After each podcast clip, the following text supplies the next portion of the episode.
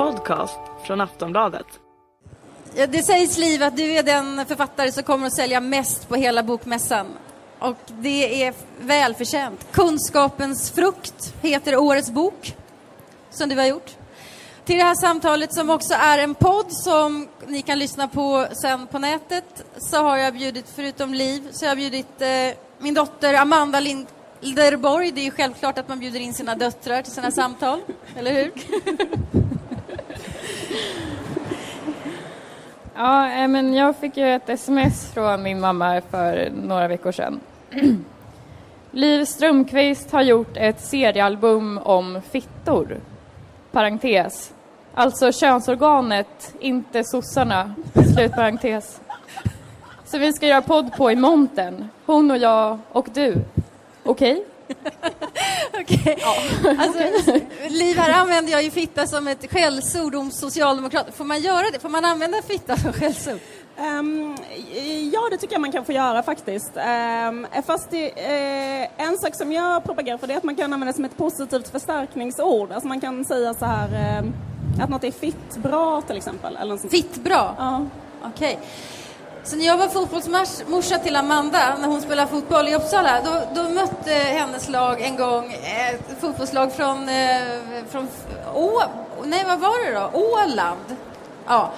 Och de, hade, de var åtta år de här ungarna och de hade alltså en, en manlig tränare som stod och skrek Vittu, vittu, vittu hela tiden till de här åttaåriga flickorna. Vittumannen kallar man honom. Får man göra det då? Alltså han skrek det för att de spelade dåligt? Eller? Ja, han var förbannad för att de spelade dåligt och han var förbannad på domaren och då skrek han liksom fitta så här. Är det... Nej, det tycker jag låter jättedåligt faktiskt. Det är jag emot. Ja, jag är också emot det. Jag tycker inte... Alla är det var ju en annan det. sån, eh, det var väl en annan sån skandal just med fitta och fotboll på något sätt. När det var någon sån tränare till något lag. Eh, de, de var väl typ tonårskillar och så hade de gjort så här eh, en lista över saker som var bra och saker som var dåliga, hur de skulle vara och hur de inte skulle vara. Och de positiva, kommer ni inte ihåg det här? Det var en sån skandal. Så var det så här, eh, på den positiva sidan var det en kuk, så var det så här, så här är det att vara en man, typ. Och på den negativa hade de ritat en fitta. Nej. Som såg ut så här, som någon liten kokosnöt, så rund med så taggar på. Och så var det så här, att vara som en fitta, det var typ eh, att vara liksom, ja men på alla sätt jag tror att det var hockey kanske, så var det så att det var svag och dålig på hockeyplanen och liksom mjuk och inte tuff och sådär. Okay. Dålig. Det där minns inte jag. Men, Men vi sa ju också liksom kom igen gubbar när vi skulle ut på planen. Åttaåriga tjejer. Ja, just det. nu kör vi. Okej. Men du, Liv, du använder inte ordet fitta faktiskt egentligen i den här boken, utan du, du använder ordet vulva. Ja. För mig är det väldigt ålders, ålderstiget, varför, varför, varför använder du det ordet? Alltså jag var väldigt inspirerad av en eh, här, tysk-pakistansk eh, forskare som propagerar för ordet vulva. Det finns en sån liten, eh, en, en jättesvag rörelse som vill använda ordet vulva. som har varit väldigt oframgångsrik måste man säga, för det ordet används ju absolut inte.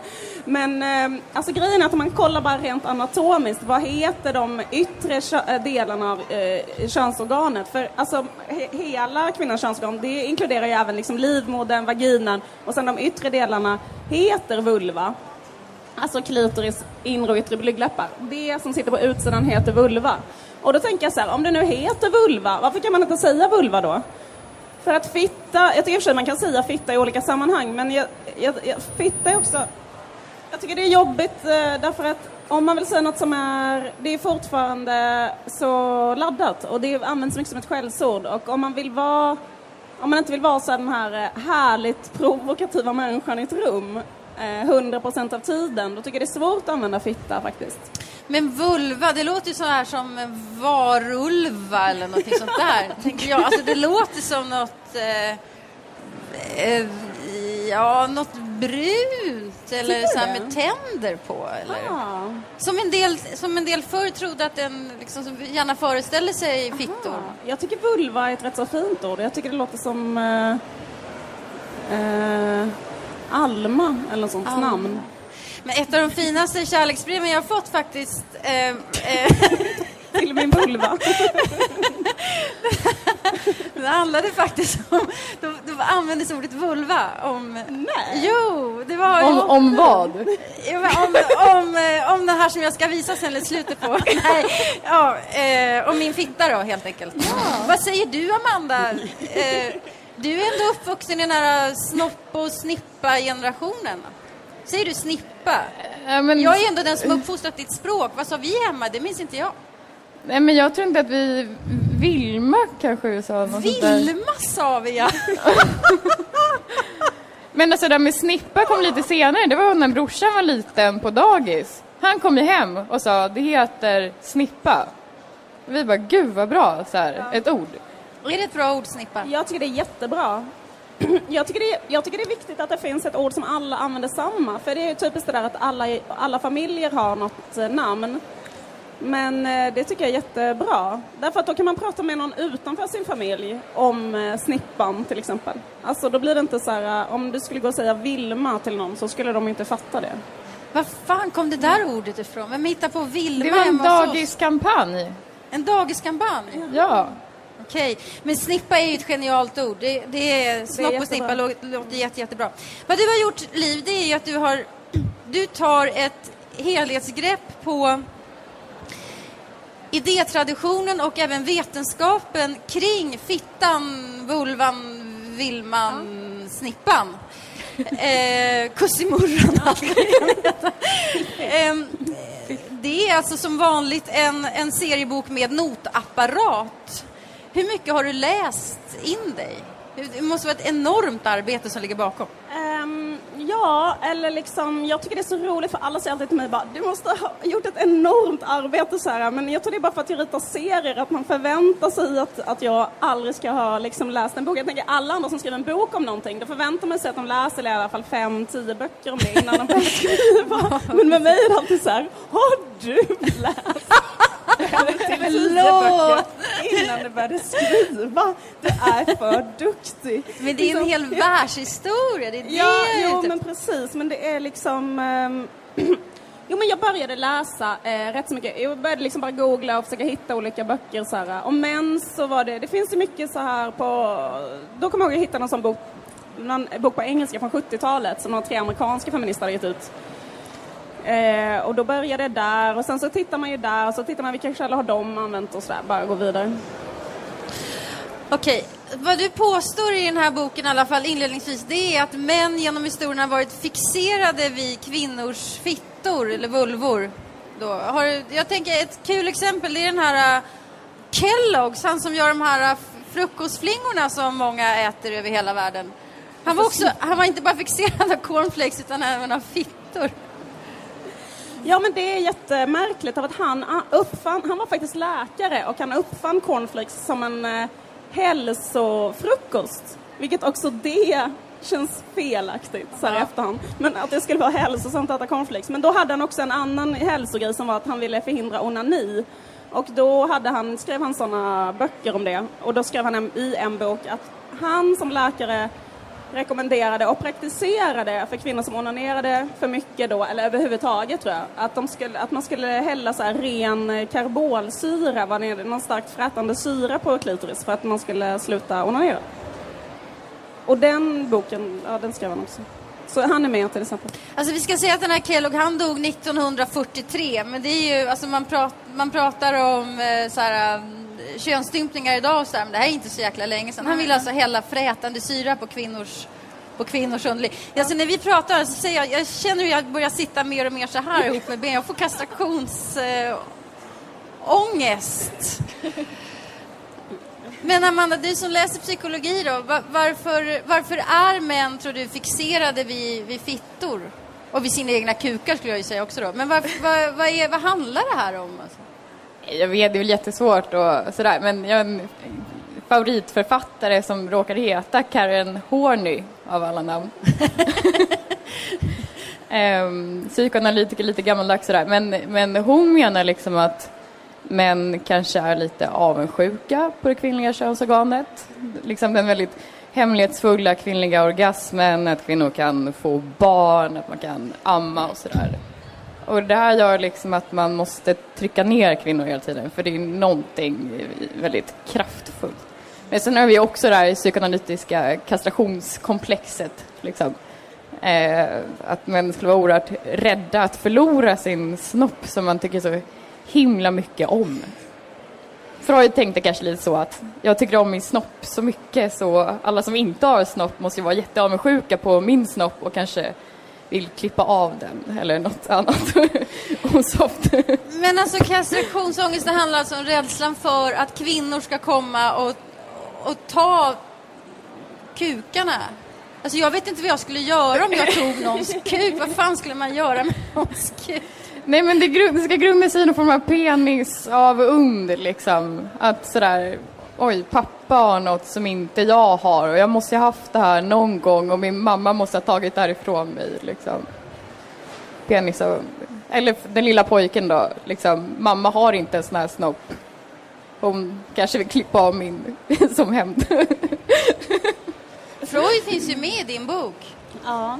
Ja, men just det, avundet finns också med lite grann. Jag tänker det finns ju en rätt så rolig också psykoanalytiker som heter Bruno Bettelheim. Jag vet inte så mycket om honom men alltså en grej han lanserar den här teorin med menstruationsavundsjuka, att män känner det. Och det skulle också kunna vara upprinnelsen till krig.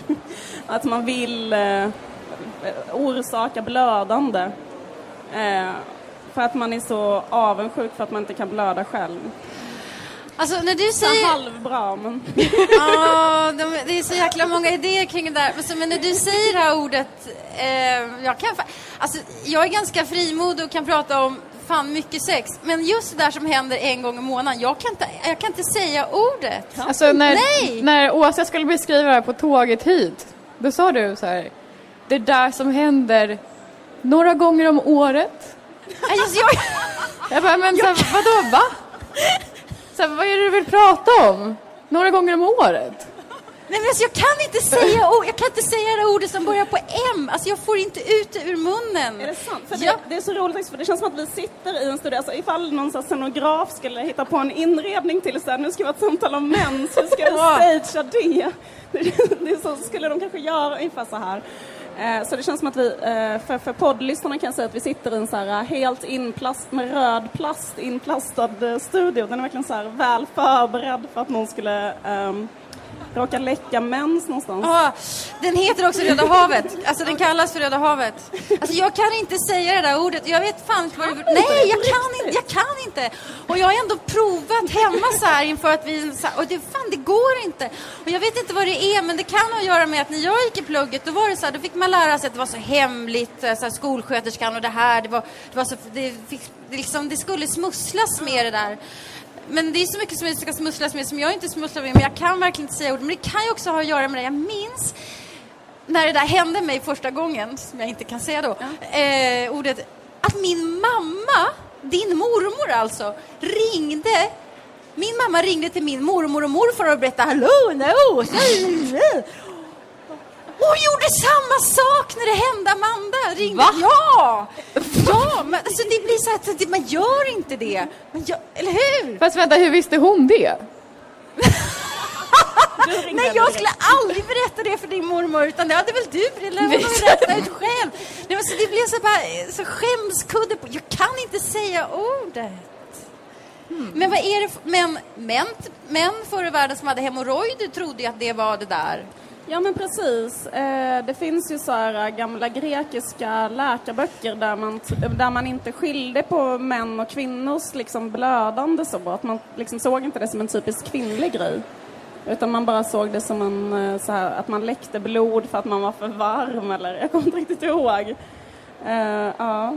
Men det har fått politiska konsekvenser, Ja. eller hur? Ja. Nej, men, äh, äh, ja, precis. Det, det finns ju, ja, men det var också på 70-talet så, så, så vet jag att det var någon så här rådgivare till ehm, Demokraterna, en läkare som sa att så här, kvinnor inte, det är ju så här känt citat, att kvinnor inte aldrig kommer kunna bli presidenter i USA för att det, de har, det är för farligt med deras här, hormonella obalanser. Att Den hormonella kunna- obalansen. Ja, men typ att när de har PMS så skulle de kunna invadera något land och sådär. Invadera något land. Ja, men att de, de kan inte bli presidenter liksom för att de har PMS. Men det, och det sa han ju 70, ja, på 70-talet. På 70-talet. Ja. Men var det inte någon idé också om att eh, blodet som kvinnor behöver ha i huvudet rann, rann ut? Ja, ja, ja, det precis. väl? Men det är också en läkare som skrev det i, i slutet av 1800-talet att så här, äh, som argument mot att kvinnor skulle eh, få börja på universitetet så var det så här, eh, om de pluggar då kommer de att använda det blodet till hjärnan och eh, det kommer störa deras mens och då kommer de inte sen att kunna få några barn. Så att om kvinnor pluggar så kommer hela mänskligheten att dö ut för all reproduktion kommer att förtvina liksom med deras pluggande. Känns som att någon har tänkt väldigt mycket på det ja, någon har tänkt väldigt mycket på det. För mycket. Men fix, den manliga fixeringen vid, vid fittan då, eh, den är ju, det, det kan ju handla om dyrkan, men det är, handlar ju också ganska mycket om, om rädsla, eller hur? Du har en ganska kul grej här, eh, alltså den är ju otroligt rolig hela den här boken, men en som jag fäste mig vid, det är den här bilden när, alltså man tänker så att, att om, man visar, om man visar fittan så kan man sk- skrämma bort djävulen. Vi har provat. Vi- jag tänker så här. Lyssna på den här bra idén som jag har. Så här va. Det är att man, att vi kan, man kan fota sin fitta. Och sen så kan man, för man kan inte visa den nu så här va. Men man kan ju, för, för det får man ju inte. Men man kan fota och sen kan man instagramma den eller twittra den om någon har varit jävligt dum mot den. Så händer det aldrig igen. Ska vi... Alltså det kan vara en ny folkrörelse. Men det lustiga är att det finns en sån gest som heter, det heter Anna Syrma. Det är inte ens med i boken, så nu får ni extra materialet som inte var med. Eh, och det är så här, eh, ganska vanligt, det det finns många afrikanska länder där man använder det. Alltså om man visar fittan för någon, då är det en fruktansvärd förbannelse. Alltså om någon har varit så här riktigt vidrig, då gör man det. Och då blir den människan som blir utsatt för det blir dömd till att liksom inte ha sociala kontakter med någon. Och det kan man tänka sig, alltså ingen får prata med den personen, ingen får laga mat åt den, ingen får liksom så här, ha något samröre med den överhuvudtaget. Och i de här protesterna som var mot Shell, oljebolaget Shell i Nigerdeltat, för de har ju eh, svinat kopiöst mot de människorna som bor där. Då var det kvinnor i den proteströrelsen som gjorde den eh, gesten mot eh, företrädare för det här oljebolaget. Okej, det, fittan har en väldig, väldig kraft och funktion. Ja. Men eh, Det där ska ju liksom inte missbrukas då, känner jag. Nej men jag tycker det var ett bra tillfälle att använda det faktiskt, som de gjorde då. ja, jag tror man kan. Men det, det finns, alltså du visar ju så fint så här hur man för flera tusen år sedan när man avbildade män och kvinnor så var kvinnans vulva jättestor, jättevacker, väl exponerad, någonting som liksom dominerade bilden. Eller hur? Du Ja. har jättemånga sådana exempel. Och vad är det som händer sen? Alltså jag tror att det handlar om så här när man, alltså det handlar väl om så här eh, när man går över från polyteism till monoteism eller något sånt där. Att det finns en lång tidpunkt där liksom det blir ett lite mer så här tillskruvat patriarkat och då tror jag att det är så att de, att de gamla fruktbarhetsreligionerna, eller som man brukar kalla fruktbarhetsreligioner, att de liksom skulle städas ut. Det är också så här i, häxprocessen och sådär, så hade det var, vad fanns det kvar gamla sådana element och då när man skulle liksom etablera en mer strikt hierarkisk eh, maskulin ordning.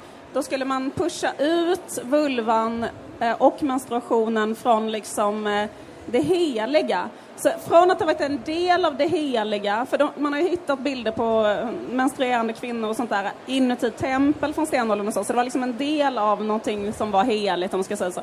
Då så puttade man ut det så det var motsatsen till vad som var heligt istället. Det var liksom djävulen eller det var liksom, eh, ja men också sådana där saker att en kvinna som har fött ett barn, man måste vänta innan man går in i kyrkan.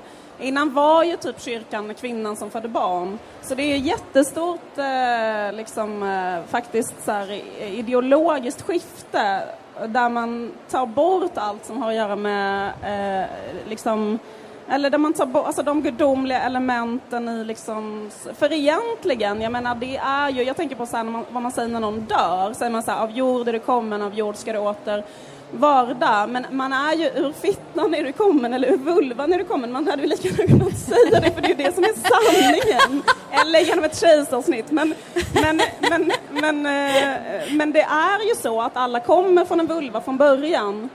Eh, och eh, varför ska det då vara det liksom äckligaste, hemligaste, skamligaste som finns? Det är ju jättekonstigt. Ja, det är helt absurt. Men jag tycker att det är lite skönt, eller så här, eller, jag tycker inte att det är så skönt att eh, det kvinnliga könsorganet är liksom det smutsiga och det som hela tiden måste skyla och det man måste hyscha kring hela tiden, att vi inte har något namn för det. Men jag tycker att det är skönt att inte liksom just den kroppsdelen är exponerad överallt. För det tror jag skulle leda till någon form av så här normfitta, typ så här idealfittan som man sen skulle kunna ha ångest över att man inte har. Liksom. Det är typ enda kroppsdelen som jag typ aldrig har känt ångest över. Så därför jag vet inte riktigt hur en fin fitta skulle se ut. Alltså när jag läste ditt album och du skrev så här att stora blygläppar är det finaste som finns. Så gick jag på det. Jag bara, jaha. det var lurad.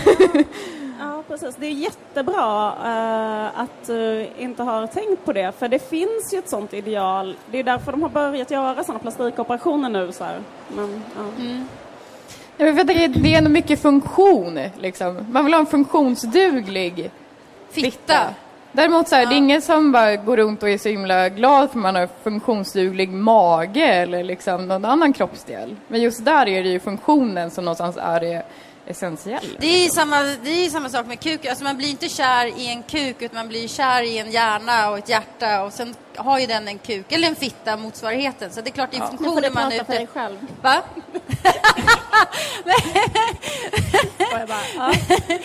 Nej men eh, jag, tror, jag tror absolut att det finns föreställningar om hur en fitta ska vara och inte vara. Det är... Jag är helt övertygad om det. Alla som inte vågar visa sig eh, i omklädningsrummen eh, efter gymnastiken. Eh, jag har själv varit en sån länge, alltså, för att jag har varit blyg eller tänkt att jag ser inte ut som andra för att jag är, är rödhårig på huvudet och så här, va. Men jag kommer ihåg en gång när vi, när vi alltså jag skolkade från idrotten alltså i många, många år för att jag ville inte byta om helt enkelt. Eh, och sen när jag väl fick ett kärleksliv så har ju männen tagit det där ur mig. De tycker jag är jättefin, ja, men, ja. men jag Det var det här kärleksbrevet. Fattar som, inte det. Liksom. jag fattar inte det själv. Men även män, alltså om kvinnor är, är, kan vara generade för så, så även, alltså det finns ju normkukar också. Hela ja. det här väg och mätsamhället är ju frustrerande även för män faktiskt. Absolut, verkligen. Det får bli nästa bok. Det var det jag skulle fråga här som sista fråga. Alltså, eh, kommer det någon, någon kukbok då? Penisbok? Jag har ju en son som jag kan prata penis med också. Ja. Ja. Nej, ja, det, nej, nej, Max, nej Maxim om du lyssnar på det, jag lovar. Ja, precis. Um, uh, ja, man ska aldrig säga aldrig. Det kan, det kan hända, fast jag tror inte det. Varför inte det? Ja, men, uh, jo, men det kan, jo, men det kan, för kan hända faktiskt. Men, men uh, jag, uh, jag är mer intresserad av detta. Ja, men det handlar ju om, liksom, hela albumet handlar om könsmaktsordningen ja, och sådär. Mm. Och det är det som jag vill lyfta fram. och så att, ja. Det är det som är så fint med den här boken, att du visar, eller det är ju så mycket som är fint med den här, men du visar verkligen på könsmaktsordningen och hur, man ha, hur, hur vulvan har varit föremål för politik och för idéer kring, kring kvinnans kön har varit föremål för att kvinnor inte ska ha samma rättigheter, eh, ett, ett vapen mot, mot jämställdheten och så vidare. Men vad jag funderar över, det jag tycker inte, det är, som var en ögonöppnare för mig, det var innan upplysningen i 1700, slutet på 1700-talet. Innan så hade man en mer jämlik syn på kvinnor, alltså på klitoris och, och, och ollon och alltihopa. Ja. Alltså, så händer något. Kan du beskriva det där lite grann? Ja, men det finns ju en sån eh, forskare som heter Thomas eh, Lacour, heter han. Men han har gjort en sån jätteomfattande studie som visar att liksom just den här grejen att det är nu så säger man ju ofta om kvinnor och män, man kallar det för så här, de motsatta könen. Så här, Eh, men egentligen så är ju kvinnor och män liksom mer lika varandra kanske än någonting annat på hela den här planeten. Det är ju inte motsatser, alltså lång och kort kanske en motsats eller tom och full eller sånt där. Men en man och en kvinnas könsorgan är ju inte eh, två motsatser utan tvärtom så är de Eh, grannar. De är ju jättelika. Och man kan ju se det också hur foster utvecklas, att det är, ser exakt likadant ut väldigt länge liksom. Och sen ser det bara en liten grej som händer där på slutet. Och då eh, men just det här enorma fokuset på att det ska vara två motsatta grejer. Eh, det började man med väldigt mycket eh, på 1800-talet därför att innan var det så här, eh, kvinnokroppen är liksom en sämre slags manskropp men det är typ samma kropp liksom. Sen var det helt plötsligt superviktigt att hela tiden konstruera män och kvinnor som motpoler. Och det hade att göra med att kvinnor ju liksom började ta mer och mer plats i samhället. Och då måste man på något sätt också att religionen tog mindre och mindre plats och vetenskapen började ta mer plats. Och då var det så här, eh, nu måste vi ha eh, vetenskapliga argument för att kvinnor inte ska liksom, eh, plugga på universitetet eller ärva eller eh, sådär. Och då så ehm, eh, la man enormt stort fokus på könsorganen för det är ju det som är den tydligaste skillnaden mellan kvinnor och män. Och då var det så här, eh, kvinnans kön är helt annorlunda och då började man vara så här, allting på en kvinna är annorlunda än en man. Liksom näsan, ögonen, då började man gjorde, hjärnan mm. eh, liksom eh, ögonbrynen, alltså man var helt besatt av att det skulle vara skillnad. Och det lever vi ju jättemycket med idag, att folk tycker att det är så viktigt Eh, med skillnad och att det är skillnader. Man använder ju fortfarande det, där, eh, det motsatta könet. Mm. Men man borde börja använda grannkönet. Mm. Förordar jag här nu. Grannkönet? Ja, ja. Inte det motsatta könet. Ja, grann, ja, nu förstår jag. Grannkön. Ja, det är bra. Det är jättebra. Det är jättebra. Ja, det jag tycker är intressant i alla fall, när, när, just när vetenskapen växer fram och blir så stark, det är då man hittar, gör helt våld på verkligheten och hittar, hittar på just vetenskapliga, så kallat vetenskapliga argument, argument varför kvinnan inte ska vara jämställd mannen. Vi skulle kunna prata i en timme minst. Eh, nu måste vi stänga Fittekörka här i Göteborg. tack så hemskt mycket, Liv. Tusen tack. Med Bokmässans Grand Superstar, verkligen. Den här boken kan du köpa på Galago. Galago. Eh, Liv signerar. Du sitter där hela ja, mellan, dagarna när du ja, inte men jag signerar speciellt mellan 16 och 17 idag. Mellan 16 och 17 idag. Tack Amanda Linderborg också. Tack, tack för att ni kom. Tack.